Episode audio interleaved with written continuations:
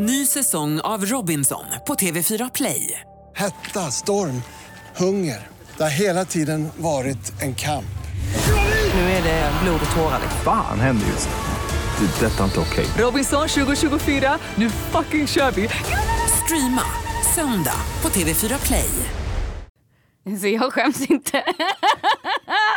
jag skäms inte. Rakt av ja.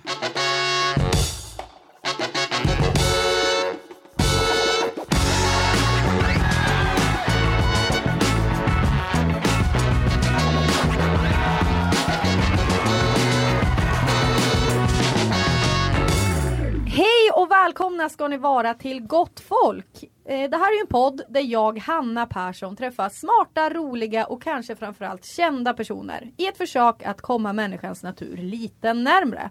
Vi ställer oss frågan, vad är egentligen en bra människa? Och sen så sätter jag de här kända gästerna i moraliska dilemman bland annat.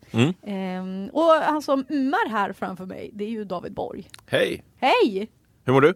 Eh, jag mår bra. Jag är lite så eh, rinnig i ögonen. Jag är jätte, jätte på min kille för jag är rädd att han har eh, gjort mig eh, sjuk. Aha, Mm. okej. Det, det är kanske en, en, en moralisk fråga. Är det okej att som partner liksom inte skydda sin eh, den man lever i en relation med från sin sjukdom? Jag tycker ju så här, ifall du är sjuk, sov i soffan. Pussa mig inte. Mm. Ifall man känner lite känningar i halsen, ta det lugnt. Ja, där, absolut ett problem. Men eh, människor som kanske tar sig till jobbet och är sjuka, vad tycker du om det? Eh, ja, det är jag. Jag är ju en hypokondrisk person. Så att jag eh, håller hemma. Jag menar, det är, speciellt när det kommer till kräksjuka, det är ju sinnessjukt. Eller liksom folk som har barn som är kräksjuka, som inte själva... Alltså, jag vet inte, kan man inte bara vabba? Vara hemma? Jag är väldigt svårt för människor som är sjuka ofta också. Ja, då har du ju väldigt svårt för mig. Ja, men jag är tycker alltid du, du lite är väldigt ofta sjuk. Jag, jag stör mig ganska mycket på det.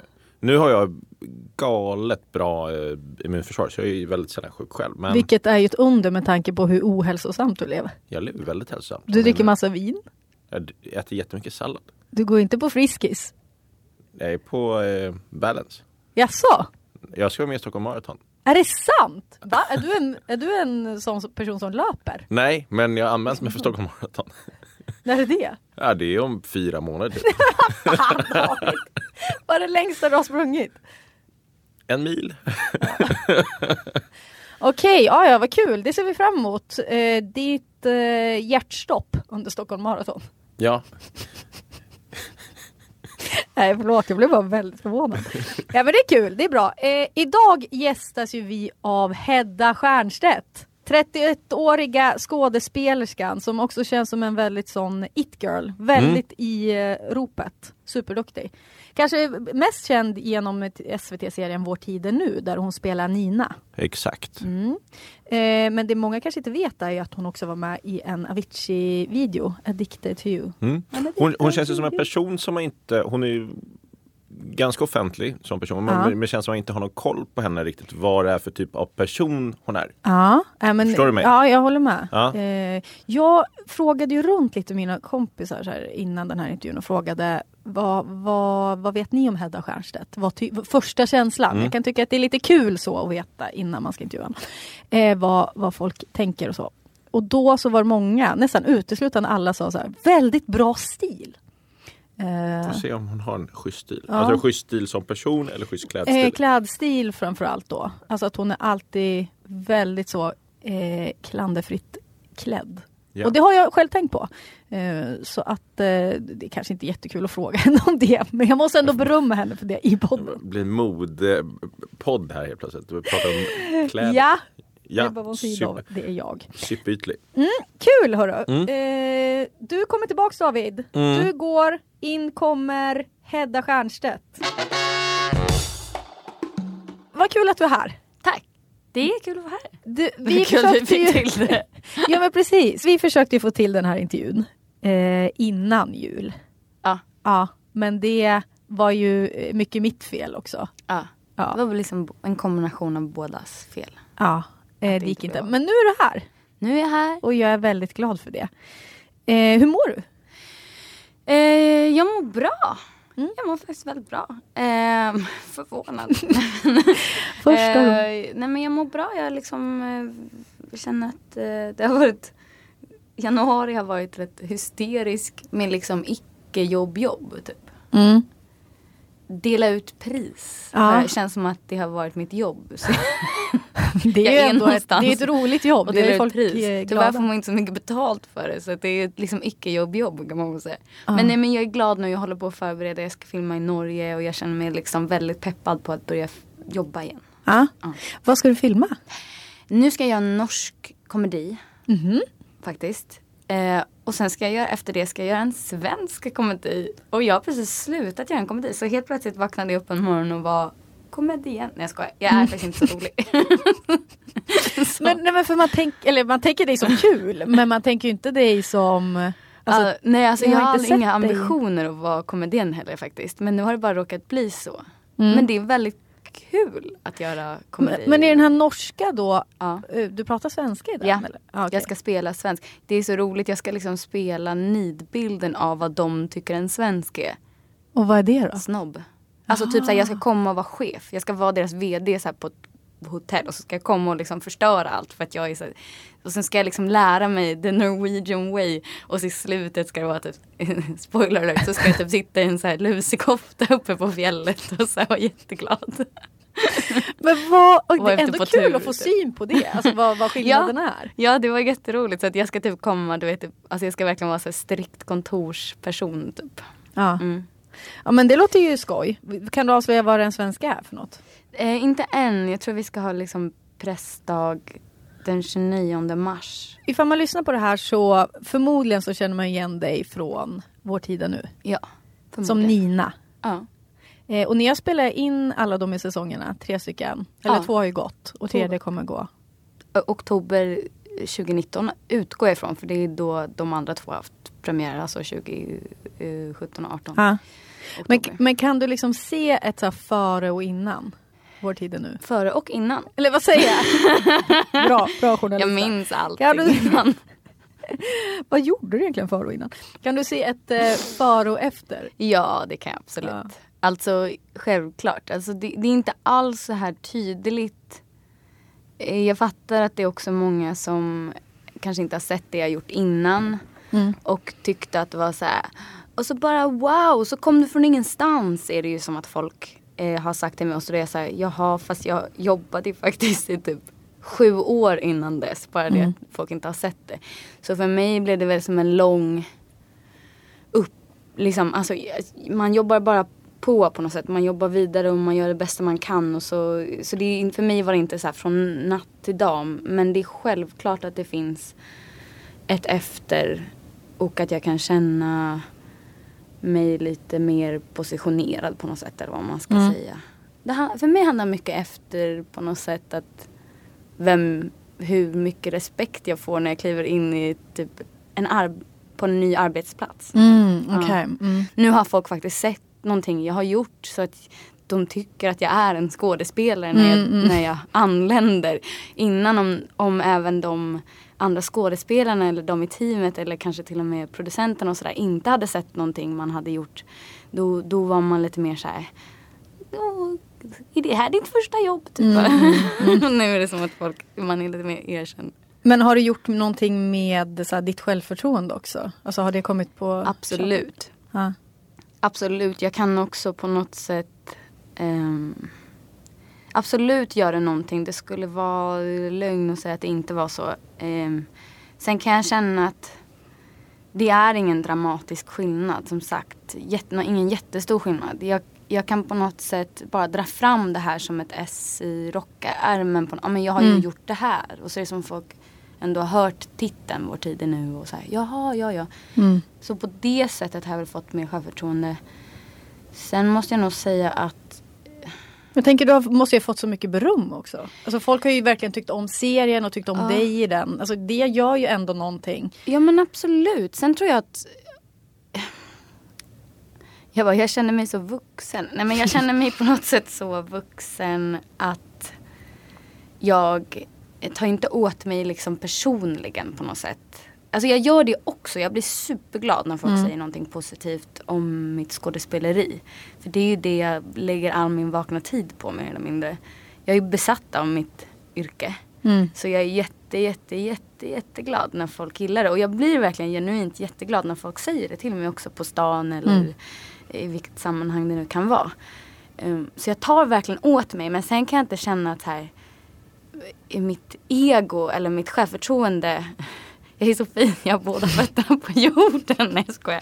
Nej, men kommer jag inte in på det känna- sen, vilken bra person du är. Exakt. Nej men jag kan inte känna att mitt liksom, att, att det påverkar det är vad det är på något sätt. Ja, jo, alltså jag jag, blir, jag blir jätteglad att folk gillar det jag gör. Men jag, jag kan inte känna så här att det verkligen är grund, skakar mig i grundvalarna. Att jag nu har ett toppen självförtroende. Jag skulle Nej. nog säga att det är typ samma som förut. Men jag kan väl känna mig mer trygg i att jag känner mig väldigt mer självsäker på att jag kan mitt yrke på något sätt. Mm.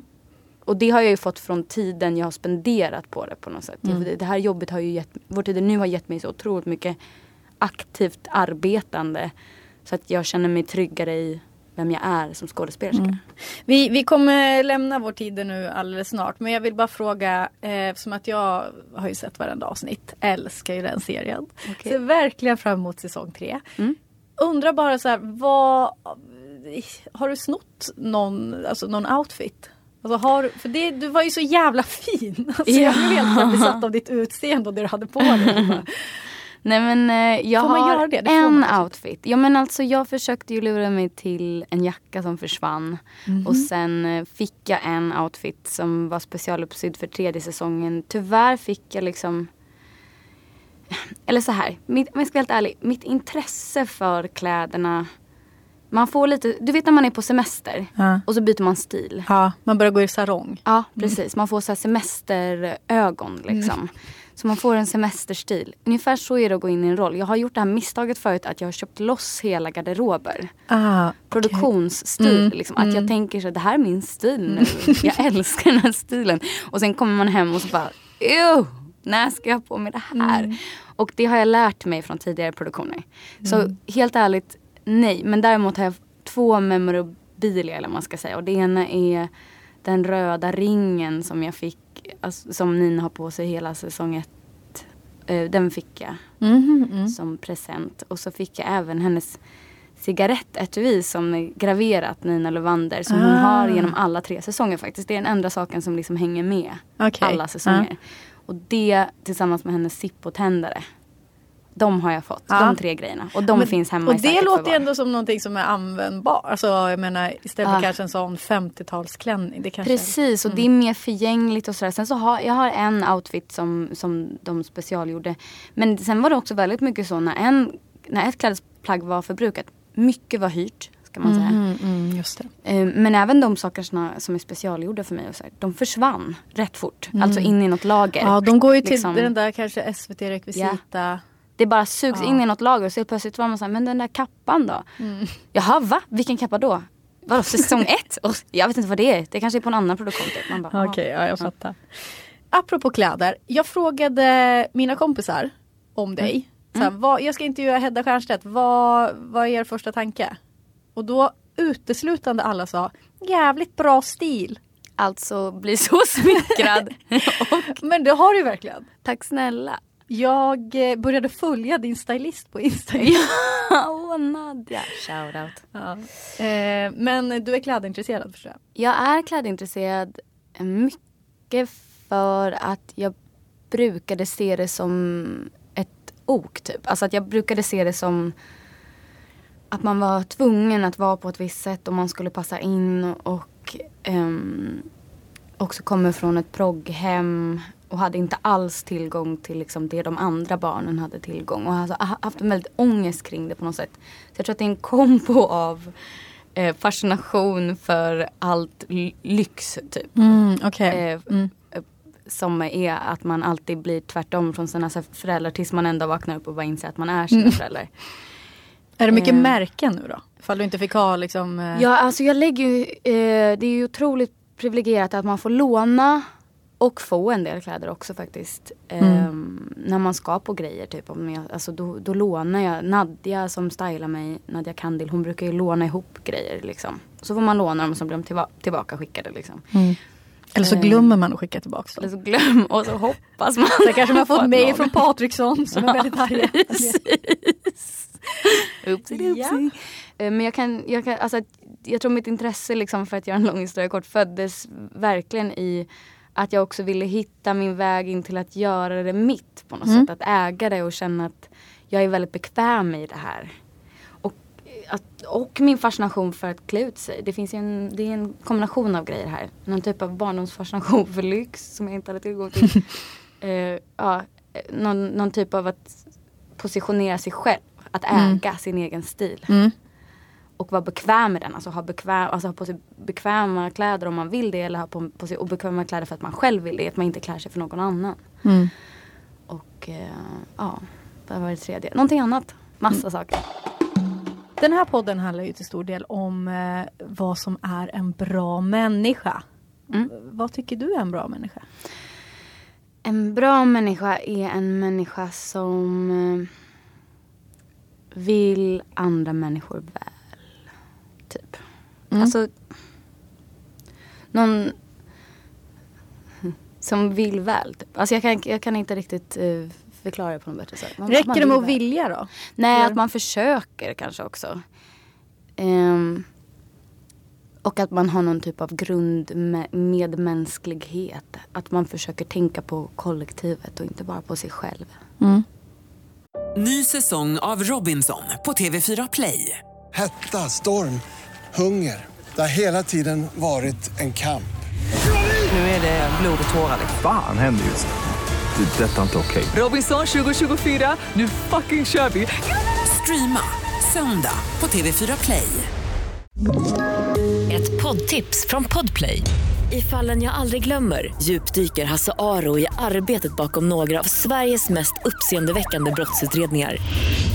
Går vi in med hemlig telefonavlyssning och, och då upplever vi att vi får en total förändring av hans beteende. Vad är det som händer nu? Vem är det som läcker?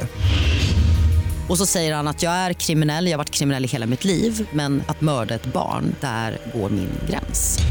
Nya säsongen av Fallen jag aldrig glömmer på Podplay. Tycker du att, eh, eller så här, vart på skalan är du? Är du en, tycker du att du är en bra människa? Ehm, jag tycker jag är medmänsklig. Att jag försöker tänka på dem runt omkring mig. Och att jag för det mesta vill väl. Eller alltså jag vill väl. Jag försöker. Det, så har jag beskrivit mig själv någon gång också förut. Att jag vill väl. Men sen så absolut så har jag ju brister. Och det liksom blir, kan ju bli jävligt förvirrat på vägen. Men ehm, mm. När känner du dig som sämst då? Alltså när blir det fel? Jag har PMS. Ehm, Ja, det känner jag igen. Mm. Nej men jag är ju väldigt känslostyrd. Ja. Och det kan bli väldigt fel när jag eh, går, alltså när jag bara inte, när jag tappar eh, mitt överjag, eller vad ska jag säga, vet när jag tappar eh, min eh, eh, kompass genom att bara gå på känsla. Men sen kan det också vara väldigt givande att bara gå på känsla också. Och ofta så om man då också, om känslan är att man vill andra väl så kan det ju också vara en väldigt bra känsla att gå på. Så, och sen så ehm, Jag kan känna mig i stunden väldigt dålig. Mina närmsta vänner vet ju att jag har ju liksom pro- problem att kunna lova saker. För att helt plötsligt så är det någon som ringer och säger du åker till Norge imorgon. Det hände nu till exempel i helgen. Och som tur var var det inget jätteviktigt jag hade bokat. Det var en middag. Men det har ju hänt att man missar allt möjligt. Bröllop och dop och födelsedagar och, och allt möjligt. Och då känner man sig ju som en vidrig människa i stunden. Sen är ju inte det, sen kan man ju efteråt se att så här, det var typ en fest och de flesta har förståelse. Men i stunden kan ju sådana saker bli väldigt, väldigt stort. Kan, lider du då av väldigt mycket så skuld? Och Otroligt mycket skuld och Ja. dåligt samvete driver mig hela tiden. Och sen så är det som att mina vänner nästan har blivit trött. Nu får du så snälla bara sluta be om ursäkt. Vi tycker om dig i alla fall. Kan vi bara snabbspola förbi det här. Men det blir nästan också jobbigt att man känner att de inte heller förväntar sig någonting av en rent tidsmässigt. Eller man ska säga. Det känns ju också, då, då drivs man av väldigt mycket skuld och sådär. Men sen, gud, jag har klimatångest hela tiden. Jag liksom, ja. Nu kommer jag, det här är så typiskt mig. Jag gör intervjuer och så babblar jag på och sen så glömmer jag alltid bort vad frågan är. Nej, men jag vet inte heller vad frågan var. Eller jo, det var Är jag när bra känner du som sämst? När jag känner mig som sämst? Jo men jag känner mig väl alltså också otroligt, alltså det där blir ju så himla dubbelt för att, att vara en, en riktigt dålig människa, det är klart att jag känner mig som sämst när jag typ konfronteras med människor som mår riktigt, riktigt dåligt. När man sätter sina egna så, eh, små petitessproblem i mm, ett perspektiv. Mm, Då kan jag väl känna mig så dålig. Att jag har mått dåligt över petitesser som typ jag missade en fest. Mm. Men när jag faktiskt får så här total panikångest det är väl när jag, tror, när jag tänker att mina vänner och nära och kära ska bli trött på mig.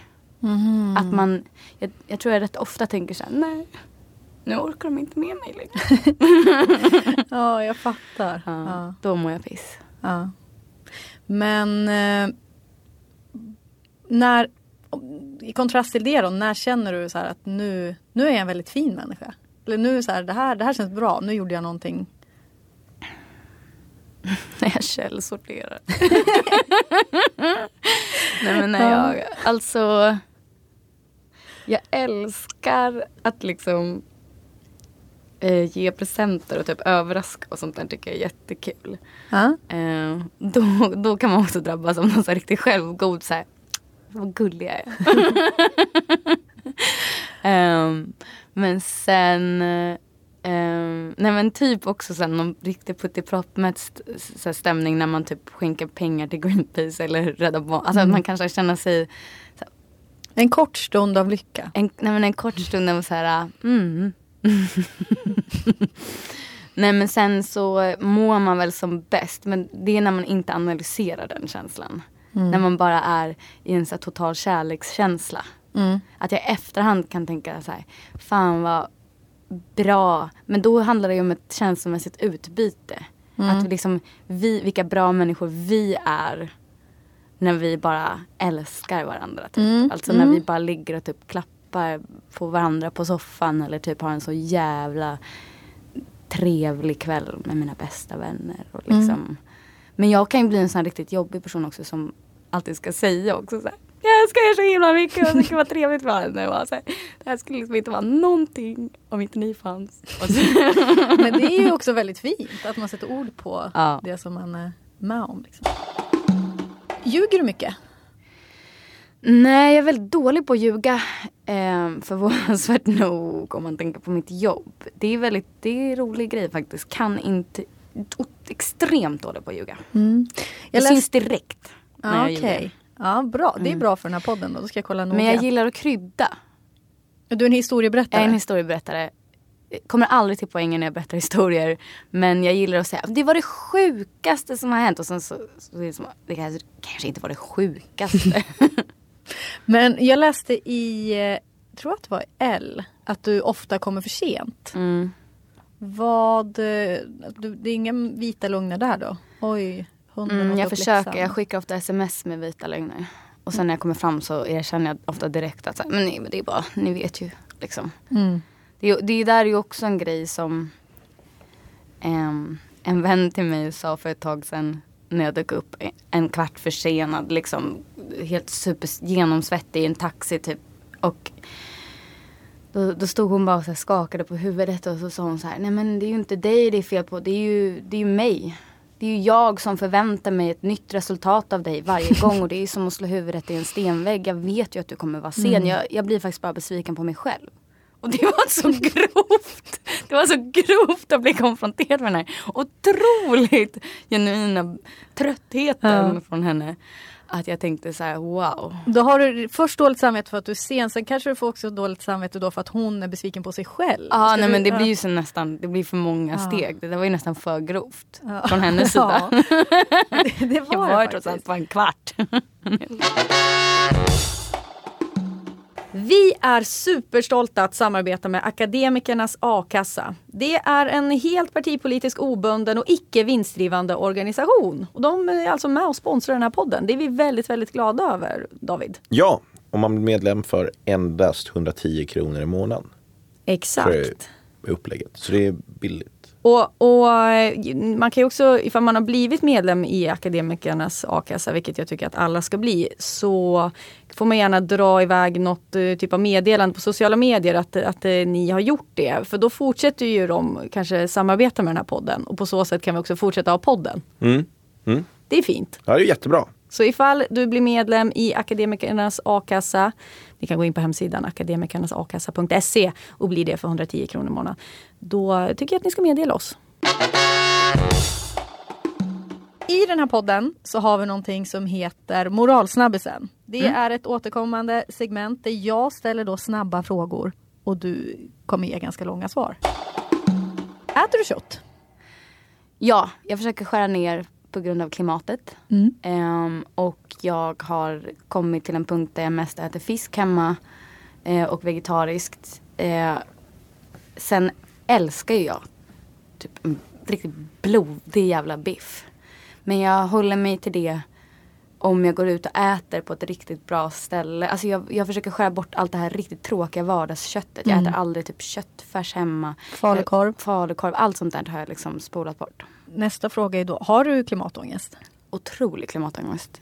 Konstant typ. Är det sen i somras eller är du en av de liksom tidigare? Ehm, det var nog inte på grund av sommaren för där gjorde jag lite efterforskningar för att jag blev så stressad. Jag tror att det var lite sen innan. Ehm, Um, inte jättelångt innan men det var nog lite sen innan och sen så var det som att sommaren kom och då blev jag så superstressad av det. Så började jag lite efterforskningar och man kan ju inte säga 100% men många av de rapporterna jag har läst är att just den här extremvärmen i somras är faktiskt inte liksom klimat... Att, alltså det, det är det ständigt pågående klimathöjningen vi Mm. måste oroa oss för. Inte att vi hade en fluke liksom sommar Nej. där det var lite, för att allting går i perioder. Precis, men det är väl så här att stor, alla stormar blir kraftigare. Hett, alltså sådana här Ja, extrema... det här hålet som är i, de har ju upptäckt precis ett hål i, på Antarktis i en Nej, men liksom, ja, jag har läst om det. det. är lika stort som Manhattan eller vad det var. Nej, Och, men slut. och då upptäcker de att det kom, eh, isen kommer ju smälta tre gånger så fort eller något sånt där. Mm. Än vad vi först trodde. Det är redan, det, det, det är redan ihåligt liksom. Mm. Mm. Ångest. Mm. Jag känner mig som en otroligt bra människa att jag faktiskt har eh, eh, ett mail komponerat redo i min utkorg att skicka till min hyresvärd för jag vill att vi ska börja eh, sortera matsopor. Ja, det är ju jättebra. Det såg jag Men, men du källsorterar, det nämnde du. Ja, alltså förutom mat då, då så sorterar jag liksom så mycket som jag kan. Förutom ett stort frågetecken som jag har som någon gärna får hjälpa mig med. Hur gör man med såna här eh, kuvert, fönsterkuvert? Måste man liksom slita blå, Är plasten sån, man, är den liksom, kastas den som papper? Eller ska man riva loss den och stoppa den i plasten? Jag vet inte. Och varför Ja, måste vi ha jag- fönsterkuvert så jag- jävla onödigt? Jag slänger sånt där i papper, jag river inte bort. Ja. Jag tycker det är svårt ibland med typ så här smörpaket. Är det här kartong eller plast? Ja, jag, jag står ofta och tvekar. Ja. Och sen så försöker jag också det här med Ska man klippa bort plasten på sitt mjölkpaket om man har en sån med skruvkork? Liksom? Nej men gud, nej det har jag aldrig gjort. Det, det har jag försökt liksom göra någon gång men då följer det ju papper med till plaståtervinning Mm. och så blir jag jätteförvirrad. Men så noga kan det väl inte vara? Inte varje gång men Nej. jag, jag har gjort det några gånger men då, då tänker jag det här kanske också är fel. Liksom. Ja. Alltså, vad, hur gör man rätt? Jag blir så här stressad över att jag gör fel. Liksom. Men jag försöker faktiskt sortera så gott det bara går. Ja. Förutom matrester då. Ja. Men det är ju bra alltså man, att du ska ändå mejla din eh, bostads... Mm. eh, Men det var för att jag såg en reklam på Instagram igår om att man kan göra det. Nu. Jaha. Men det är kanske är ett meddelande till alla som lyssnar på podden då. Mm. Maila er hyresförening eller bostadsrättsförening eller vad det heter. Mm. Eh, så kanske de kan fixa en kompost. Vi har faktiskt kompost. Det är superbra. Ja, vi fick det för typ ett halvår sedan så Mm. det finns ju liksom. Ska droger legaliseras?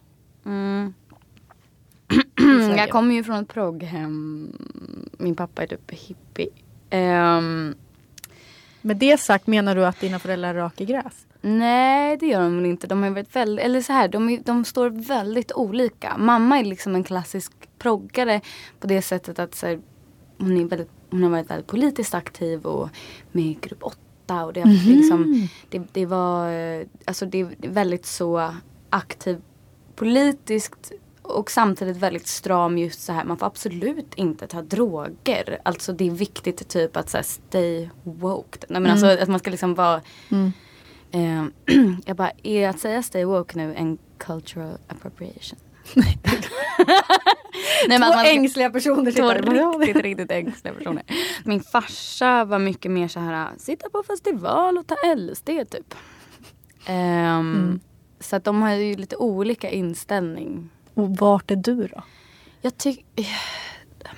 Det här är så... Eh, om...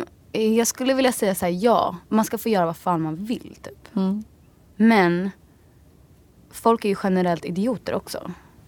Så att folk skulle inte kunna hantera det här. Alltså om det blev fri tillgång, alltså om det var liksom så här, det säljs i affärerna. Hur ska folk kunna veta de skadliga effekterna och hur det faktiskt, alltså hur skulle du kunna vara typ dessutom kanske en 16-åring och få mycket lättare tillgång till det. Mm. Och hur ska vi kunna, hur ska det kon- kunna kontrolleras på något sätt. Men mm, den är tricky. Jag är, men annars är jag lite mycket för så här, gör vad fan du vill. Det Mm. Så länge det inte skadar andra. Sen droger kan ju absolut skada andra. Mm. Så, mm, mm, mm, mm, Det är väl ett, för att det är, ifall det är lagligt så blir det väl skattepengar också. Så Ja, att man det är kan till och hjälpa folk Precis, som missbruk. Men, Och så. var står du politiskt? Jag är röd. Ja. Mm. Inte jätteförvånad. Nej. Nej. Hur mycket skänker du till välgörenhet varje månad? Några hundralappar typ. Alltså kan det vara? Typ 500 spänn i slutändan och sånt där. Öppnar du eh, breven som du får från välgörenhetsorganisationer? Nej. Nej det gör jag Ja, du skiter i, skiter i det. Ja. Eh, Men, Men- ibland får jag mejl från Barncancerfonden. Då är det typ så här jättegulligt barn som så här, Alltså det, de läser jag ibland för de, det, det är otroligt rörande. Greenpeace liksom breven kanske man så här, oh, oh. Det ger mig mer ångest än någonting annat. jag köper mig fri. tycker du att vi rika i västvärlden har ett ansvar att hjälpa människor i den fattigare delen av världen? Eh, ja det tycker jag. Absolut. För att du kan liksom inte kontrollera vad du... Alltså det är så orättvist att vi bara har blivit infödda i någonting. Men eh, vi bör göra det med någon typ av eh, framtidsplanering.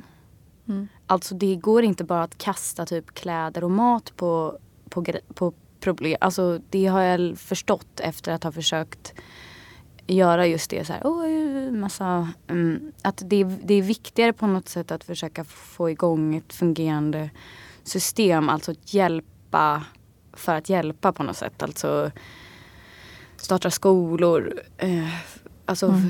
ja. Så att så människor i utsatta situationer kan hjälpa sig själva? Ja precis, Mm. att hjälpa för att hjälpa sig själv. Mm. Ja, exakt. Är det okej att ta ett skrikigt slash jobbigt barn hårt i armen? Oj, vilken rolig fråga. Wow. Ehm, Du har ju inga barn va? nej. Nej. Det, alltså, det blir lite svårt för att jag kan ju bli så provocerad. Alltså jag, jag, en av mina mindre skärmiga sidor då är ju att jag liksom, alltså jag kan bli så trött på barn. Och att folk har, tar sig så mycket rättigheter med sina barn. Att de tycker så här, men jag har ju barn så jag får ju göra vad jag vill. Och jag är så här, men jag skiter väl i ditt barn. Så jag skiter väl i barn som jag inte har en typ, biologisk koppling till. Jag bryr mig väl om typ min systers barn. Det är väl typ de enda barn jag bryr mig om. och min guddotter typ. Ehm, Samtidigt så nämnde du precis Barncancerfonden så du verkar ju bry dig om barn generellt. Jo, jo men det gör jag. Men liksom så här, den, ja, det är inte så här, okej, jag bryr det är väl så här barn i sig kan jag väl bry mig om. Men jag, bryr, jag kan bli så otroligt provocerad av den här, den här självberättigande känslan som föräldrar kan uppfyllas av kring Mm. barn på något sätt. Eh, att här, jag får väl köra över dig med min barnvagn för jag är ju barn typ. Och man bara va? Det är så jävla konstigt. Det är provocerande tycker jag.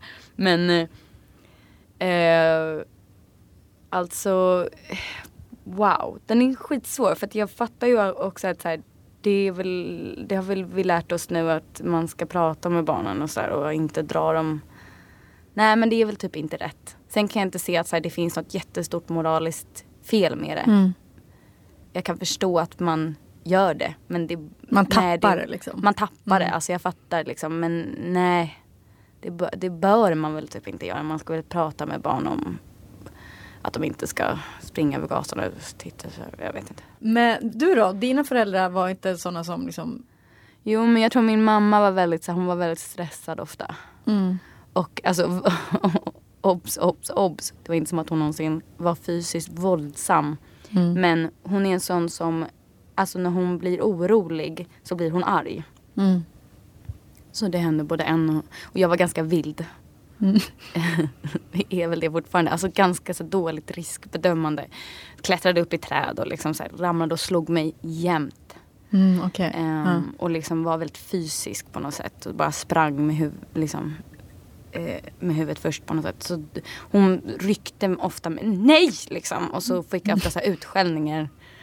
För att hon var orolig för mig liksom. Mm.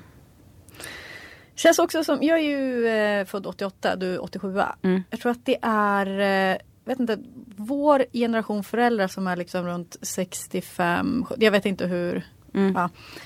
Eh, att det känns också som att de var typiskt sådana föräldrar som så här, tog en hårt i armen. Mm.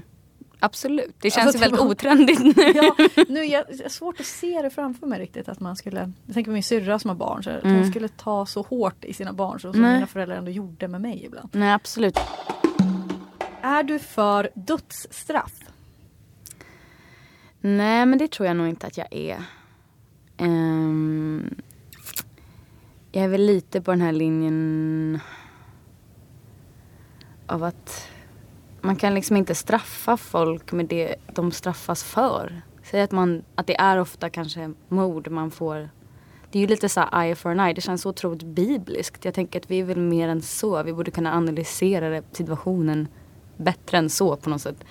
Sen vet jag å andra sidan inte Ja, sitta i fängelse hela sitt liv. Jag, jag vet liksom inte vad som är Vad är rimliga straff och sådär. Jag har, just rättssystemet har jag inte tänkt så otroligt mycket på. Mm. Men rent generellt så känns det så djuriskt att, gå, att vara så biblisk med det på något sätt. Är det okej att köpa sex? Nej. Har du varit otrogen? Mm, nej. Har du blivit bedragen? Ja. Eh, nu går vi till någonting som jag tyckte var väldigt kul. Det här heter Vad sa du sa du? Mm. Jag googlade dig. Ja. Hittade då eh, en artikel från 29 september 2001 i DN. Wow. 2001. 13-åriga Aha. Hedda Stiernstedt. Nu vet jag vart vi är på väg. Eh, iförd en tröja med texten Onanist ja, visst. Jajamän. Eh, du är alltså intervjuad i DN och det är inte riktigt ett citat från dig utan det står Mm. så här. På ett av föräldramötena fick föräldrarna veta att skolan inte ville att de kvinnliga eleverna skulle ha korta kjolar, linnen, magtröjor eller synlig piercing. De skulle också ha uppsatt hår och inte sminka sig. De unga tjejerna blev rasade, rasande och kände sig könsdiskriminerade. En av dem som uttalade sig, då, uttalade sig var då den 13-åriga Hedda Stiernstedt. Obs, det här är alltså jag har inte hittat själva artikeln i DN utan jag hittade Mhm. liksom en artikel om artikeln. Om det, okej.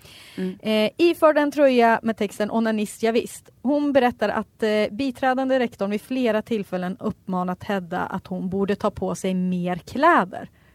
Mm.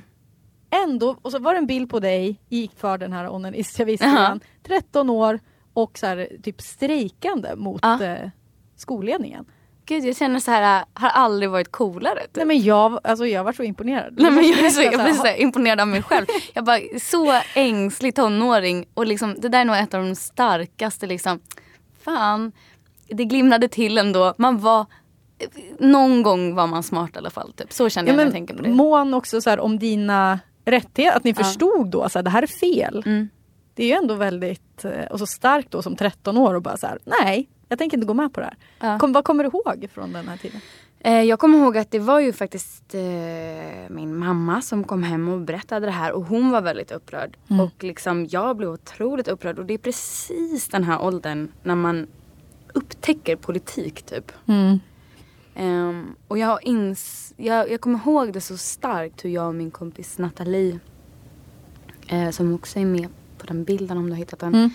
Ehm, hur vi liksom snackar ihop oss. Och vi har precis kommit in i just det här att man börjar förstå det här är rätt, det här är fel, tänka på världen och, och eh, alltså otroligt spännande ålder där på något sätt är det väldigt mycket svart och vitt. Och har man mm, åsikter eh, som, de åsikter vi hade då som var väldigt så eh, kanske influerade från hemmen vi kom från men som var väldigt så eh, liksom, man ska rädda världen typ. Vi kan påverka världen. Mm. Vi kan åka ut och typ jobba på en eh, jag vet inte, alltså jobba med att försöka rädda människor. Alltså typ Mm. att vi hade någon så här, man, man Allt liksom, är möjligt. Allt är Ja. möjligt, man, någon otroligt så här stark politisk vilja föddes på något sätt.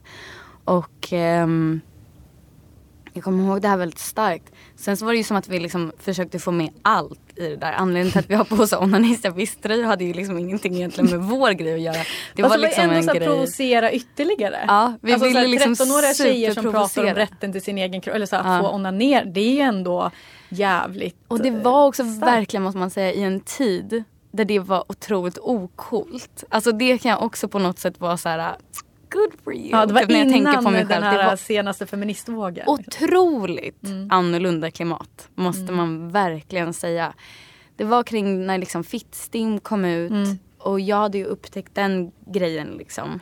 Men det var så otrendigt. Alltså man skulle vara liksom en sexig tyst tjej. Och liksom den grejen ville jag typ Alltså jag var lite så här att jag ville vara det också. Jag ville Ja, sitta ja, ja. liksom på Mm. alla stolar. Så jag ska liksom verkligen inte säga att jag var så här, oh jag var så Men det där är ju så hora madonna komplexet. Alltså att man liksom, ständigt liksom. Men det var ju otroligt liksom trendigt med att bara vara typ en sexig tjej med stora bröst. Typ. Mm. Alltså det var så här, att vara liksom, det fanns inget så feministiskt starkt forum för någon i min ålder att vända sig till och det pratades inte om det som det görs idag och sådär. Mm. Ehm, så i mitten av liksom den ängsligaste tiden i livet och den mest ångestladdade och jag var liksom, jag, jag kan tänka så här, gud jag var liksom coolare då än vad jag var några år senare. När jag, var en, när jag var bara, hade låtit den här ängsligheten ta över Mm. på ett annat Ja, men det där kan jag känna igen. Mm. Så där var det verkligen. Jag upptäckte ju feminismen ungefär samma Mm. tid. Och jag minns att så här, jag upptäckte Linda Skugge. Ja.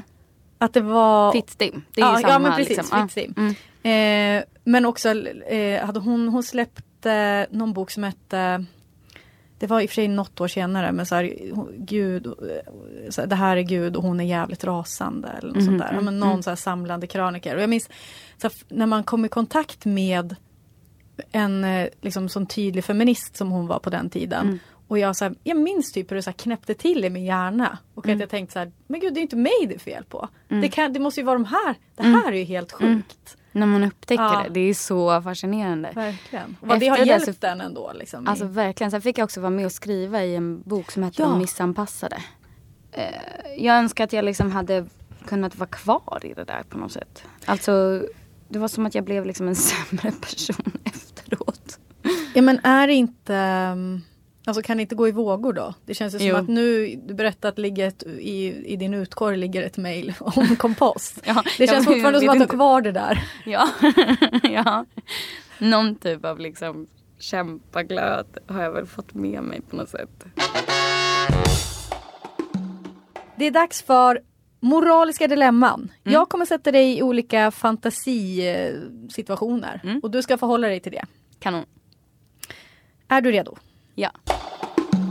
Du får ett samtal från SF Studios som ska göra en Göta kanal 4. I rollerna är bland annat Peter Harrison och Peter Magnusson.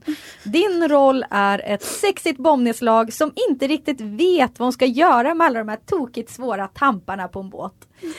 Lönen är 1,5 miljoner plus moms på faktura för två inspelningsmånader. Vad svarar du? Jag svarar nog nej faktiskt. Mm.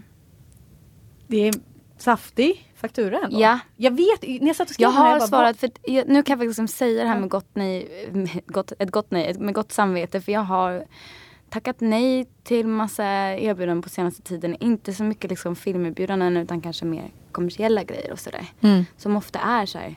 Du får piss mycket pengar men du måste göra någonting du inte vill. Typ. Alltså, Ja, mm. och, eh, jag har börjat, eh, eftersom jag är en sån himla fin och bra person med bra värderingar. Eh, nej men jag har, eh, jag har börjat försöka verkligen eh, känna efter vad jag vill. Och det kommer ju från en eh, position där jag, har, jag vet att jag har an, andra liksom, filmjobb coming Mm. up. Du är inte beroende av de här pengarna? Inte just precis nu. Nej. Med det sagt, det, eh, det är otroligt mycket pengar. Och det är ju, eh, alltså, det är inte som att jag någonsin inte behöver typ mer pengar. Jag är kulturarbetare. Men, ehm, Men kulturarbetare, jag menar ja, men alltså det är ju det är ju högt och lågt med att vara Ja. kulturarbetare. Absolut, det är väldigt högt och lågt. Men, jag, men nej, jag tror eh, om det verkligen var liksom så här det, du beskrev ju också karaktären som ett våp. Och det kan jag känna såhär, nej. Just nu, men det ring till mig om några månader när pengarna är slut så kan vi ha den här diskussionen igen. Låt säga att du är singel. Mm. Och du börjar träffa en kille som du blir väldigt, väldigt kär i. Eh, vi kan kalla honom Nils. Eh, efter ungefär två månader i ett härligt rödvinsmys i soffan så säger Nils att han, han tycker att det är rätt jobbigt med alla de här bilderna på ditt ex på Instagram och Facebook. Och han mår dåligt av dem och vill gärna att du raderar varenda bild. Mm. Vad svarar du? Ja, Ja, du tycker att det är rimligt? ja. Ja. Men jag menar ditt ex är ju ändå liksom en del av ditt liv och en del av dig och ni Ja. kanske... Alltså i sådana fall får man väl hitta någon eh, liksom eh, hemlig mapp på någon hårddisk man gömmer långt upp på vinden bara för att så här, det kanske är en period man vill minnas senare i sitt liv. Men jag har full respekt för att man eh, inte orkar se liksom massa gulliga bilder på Men han kan ju bara låta partners. bli, Nils kan ju bara låta bli att gå in och kolla. Men gud Nils, eh, jag har förståelse. Jag är sån riktig snokare. Alltså jag tvingade ju typ min kille att radera. Men du har varit tillsammans med din kille i länge. Mm. Ja. Så nu är det här inget problem längre. Men, eh, nej, men alltså, jag har full respekt för, jag, jag skulle göra förmodligen samma sak. sak så, ska Ja. vi, så kan man säga. Jag, jag förstår helt att man inte vill konfronteras med ett tidigare liv. Speciellt på sociala medier och sådär när andra har tillgång till det.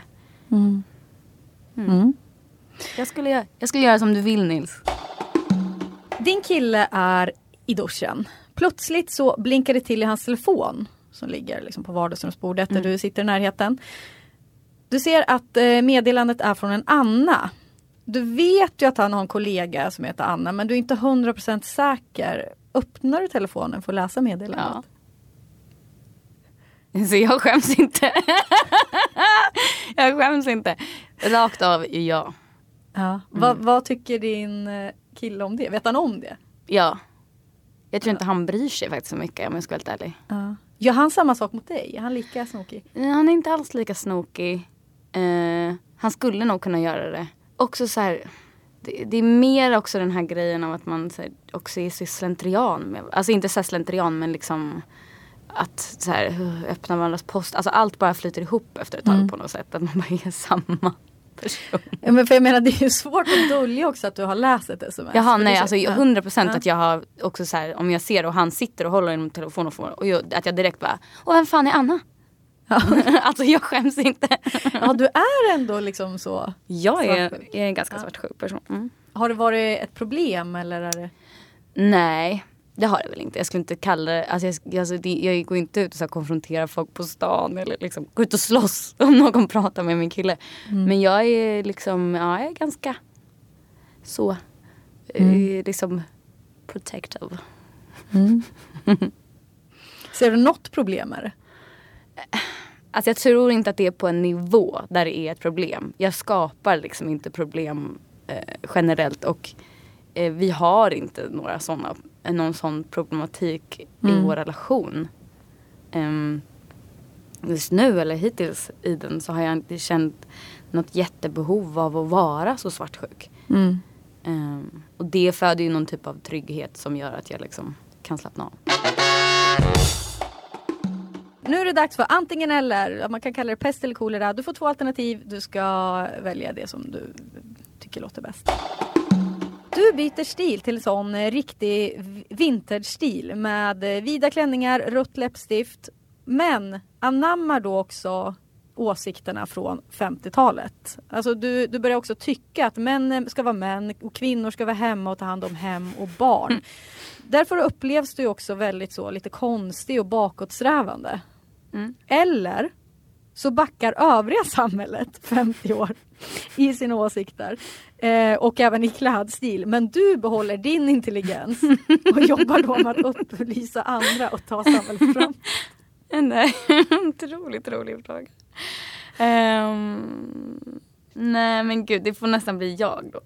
Ja. Ja.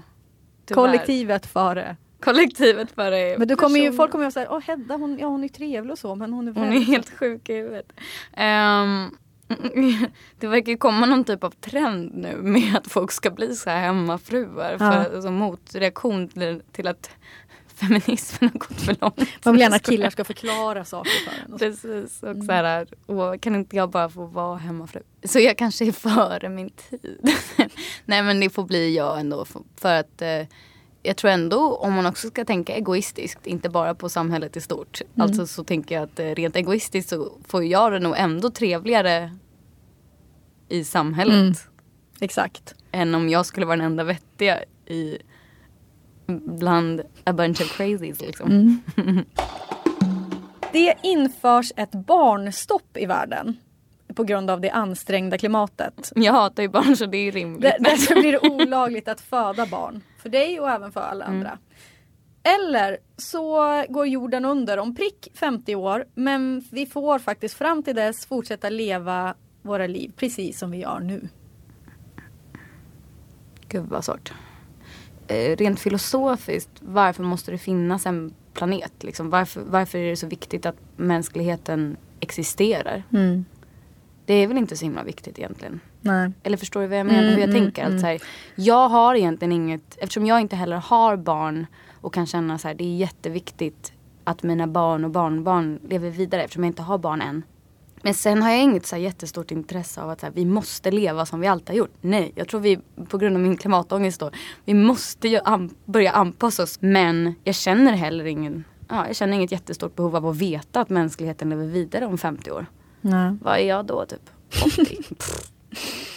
Vi kan dö då, det är fine. Okej, ja men då får, då får man alltså skaffa barn men vi vet så om 50 år då är det slut. Jag, jag ska, måste också säga så här. Jag, bryr, jag känner inte att jag br- brinner starkt för någon av de här åsikterna. Liksom. Alltså om det är så att eh, vi, vi, för vi kommer ändå behöva anpassa oss till miljön. Eller man ska säga. Mm. Men jag menar om, hur kan, om du inte ser liksom något så här någon vits egentligen med att alltså, alltså, jorden måste ju inte finnas om 50 år men hur, var kommer det då din klimatångest ifrån? Alltså vad är det du har ångest över då? Ehm, att, att vi bara beter oss så jävla illa. Jag tycker liksom synd om naturen. Jag tycker liksom synd om djur. På något sätt kan jag känna ehm, en av mina bästa vänner, han jobbar med miljöfrågor och eh, han är så här, han bara jag skiter så fullständigt i människor och bryr mig mycket mer om naturen. Och det är ett så otroligt drastiskt sätt att se på saken. Det håller jag absolut liksom inte med om. Jag tror att jag är mycket mer så att jag bryr mig väldigt mycket mer om människor på något sätt. Om jag måste välja. Men jag kan ändå känna på något sätt att fan vi bara pissar på miljön. Alltså vi bara pissar på naturen. Ja, Jag men jag fattar. Det Ja. är bra så. Antingen så blir ditt eventuellt då framtida barn eh, helt blasé. Eh, hen bryr sig liksom inte om någonting. Det blir bara en soffliggare som bara I don't give a shit. Mm. Liksom. Eh, eller så blir hen eh, politiskt engagerad men i eh, väldigt så högerextrema partier. Men den har ändå ett intresse liksom, och den är väldigt så politiskt, liksom funderar både Oh, filosofiskt typ en och... rasist. Ja, jag har ja, närt jo. en rasist vid min barm. eh, nej men jag känner väl... Eh, Antingen, men är- det andra alternativet är så här att den, den tänker inte. den tänker inte alls. Åh gud. Nej fan hellre tänker inte alls än att vara rasist alltså. Ska vi köra? Eh, ja, jag är nervös som vanligt. Yes! Hej Hedda, eh, hoppas det har gått bra här. Ja det tycker jag absolut. Du Yes. har varit jätteduktig men Ja. nu kommer du in som vanligt. Ja, men vi kör på. Som vanligt så kör vi på Anna. Och det brukar ju gå bra till slut ändå. Ja, Ja, kör nu. yes! Eh, Hedda, eh, på något konstigt sätt lyckas du få rollen som den framlidne Svullo. av någon anledning lyckas du vinna den rollen. eh, och det är en stor satsning från eh, SF och Wow. eh, Filminstitutet. Och du gör då en så kallad De Niro och kör all in. Du äter upp det ordentligt såklart. Och går på hormoner för att växa på längden. Men framförallt skaffa skägg. Efter några estetiska förändringar ser Hedda, som vi känner henne, exakt ut som Svullo. Du förtrollar hela Sverige på biograferna som komikern Svullo. Guldbaggar hovas in. Problemet är sedan att du alltid kommer ha skäggväxt och har svårt att hitta tillbaks till den gamla Hedda. Du kommer vara mer lik Svullo efter detta. Eh, eller så tar du bort 25% av den, den personen Hedda som vi känner idag. 25% alltså de tankar som du går runt och grubblar på, eh, som du själv har. Och ersätter dem och fylls på med hat över olaglig affischering. Det är alltså det som teatrar, konserter och annat som man ser som är upptejpat på busskurer och annat. Det finns ju vissa som Och har.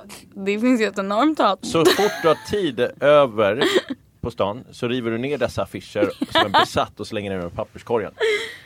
Och kan hamna i ja, lättare handgemäng då och då. Svullo. Du vill ha en förklaring Ja, ser jag på ditt ansikte.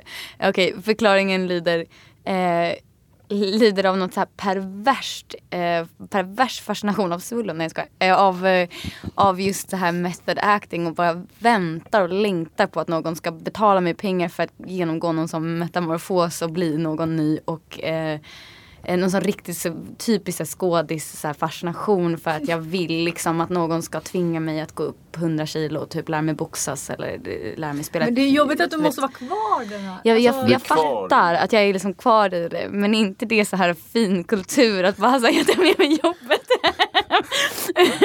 men och så, så tänker jag så här, jag kan väl lasra bort skägget sen och typ Svullo, han verkade ju härlig. Men, och, men någonting jag inte har respekt för, superdålig respekt för ehm, att jag bara, du, du börjar garva jag tänker så här, har Svullo gjort något jättehemskt? Har han, hade han så dåliga värderingar? eller Nej, han söp ju väl bara som ett Men han as. mådde ju väldigt Han psykiskt dåligt. Mm. Ja, han mådde inte dåligt. Men nu, ska, nu är det bara ytan. Så Precis, ja, ja. Eh, och nej, men jag tänker att ehm, och folk som river ner affischer. Fy. Vad lider de av för problem? Alltså här är det några goda artister som liksom har liksom satt upp, du vet de brinner för något och så ska man komma och titta på någon konsert och så älskar livemusik och eh, älskar folk som typ brinner för sin grej. Finns det något vidrigare än folk som går och river ner affischer på stan? Alltså den torraste väldigt kul att se typen. dig göra det. Alltså, jag ser dig som väldigt så förbannad. Alltså jättearg, måste slita. 25 procent är också väldigt mycket. Det är väldigt en mycket. fjärdedel av mig är bara en person som hatar affischer. Döda två främmande barn med pistol och komma undan med det. Eller leva i en isoleringscell resten av ditt liv. Jag har ju konstaterat att jag hatar barn. Nej men eh, du har inte varit här tidigare under, under kvällen men vi har konstaterat att jag hatar barn så det blir nog det. Nej men jag skojar. Nej men eh, jag, eh, fy fan vad svårt. Nej men det blir väl ändå isoleringscell för att alltså jag tror, inte- jag tror att det skulle vara typ som en mental is, isoleringscell att döda två främmande barn och behöva leva med det. Ja, det är... Det blir nog isoleringscell faktiskt. Vad har du gjort Anna? Jag hade skjutit dem med nöje. Nej jag skojar. Nej det, jag håller med. Alltså, Men samtidigt, vad är ni så, alltså, jag kan inte tänka mig något värre. Kan man inte få tredje alternativet att bara skjuta sig själv? Ja men, nej men det skulle ju alla välja i stort Ja, sett. jag är tror att ju- det blir liksom är ju skjuta sig själv, för att- själv skulle ta såklart. Ja. Eller så skulle man kunna komma på en bra motivering för sig själv varför man var tvungen att skjuta de här barnen. Tack David! Tack.